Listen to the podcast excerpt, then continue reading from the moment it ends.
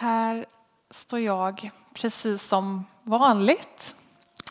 Ehm, mycket i vår värld, i vår vardag, är ju inte som vanligt numera.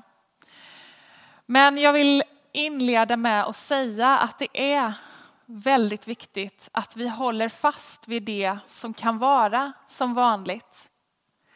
Att vi kommer hit och firar gudstjänst, vi som kan. Att vi fortsätter att hålla fast vid de goda rutinerna i våra liv. Och för er som inte kan komma hit, eh, så detta med att be tillsammans på kvällen klockan åtta är ju en sån ny god vana man kan ta till i sitt liv. Det är Maria bebådelse dag idag. Och vi har ju inte valt att fokusera på det som tema för den här gudstjänsten. Men jag skulle vilja att vi för ett ögonblick fokuserar på det som ängeln säger till Maria i det mötet. Det ängeln säger i mötet med Maria, det är nämligen var inte rädd. Var inte rädd Maria.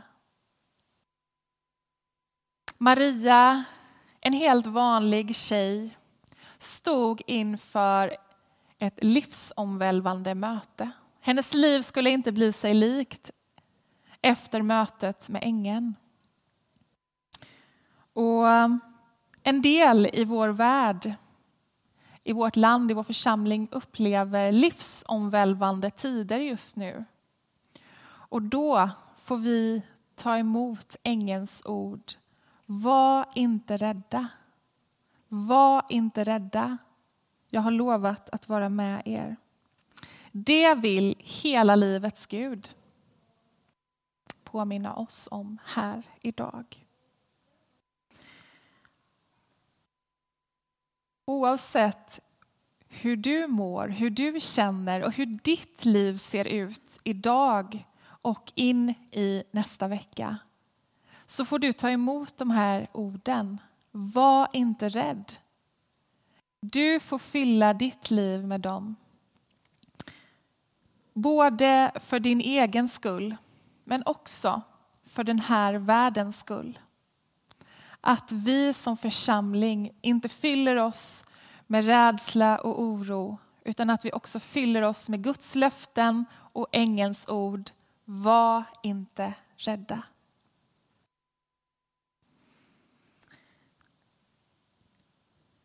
Ett annat bibelord som jag skulle vilja ta er med till är i Johannes 14 och 27. Vi får tro på en Gud som säger så här. Frid lämnar jag kvar åt er. Min frid ger jag er. Jag ger er inte det som världen ger. Känn ingen oro och tappa inte modet.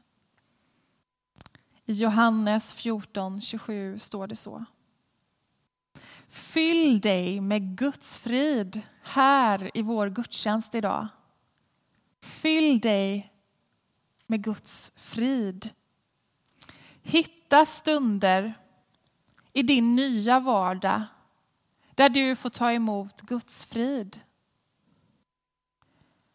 Ta emot friden min frid ger jag er, säger Jesus. Fyll dig med den och ge den vidare till en värld som behöver den mer än någonsin.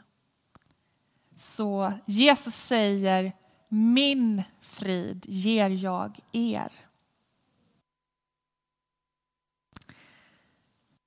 Vi ska alldeles strax få sjunga och be i en väldigt trösterik psalm. Salmen skrevs 1865. Alltså det är länge sedan. Men dessa ord har väl aldrig varit mer aktuella. Blott en dag, ett ögonblick i sänder. Fyll er också med den trösten ifrån Gud idag att ta en dag i taget. Lita på att Gud är i kontroll när varken vi eller resten av världen är det. Livet rasar för många just nu. Inkomst förloras, oro ökar. Barn hamnar i karantän med olämpliga föräldrar. Ensamma blir mer ensamma.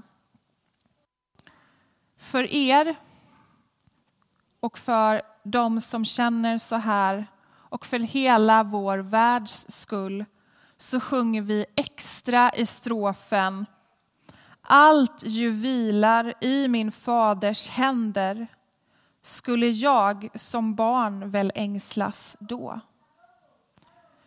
Så för er som är här och firar gudstjänst, men också för hela vår värld, ska vi nu be i salmen Blott en dag.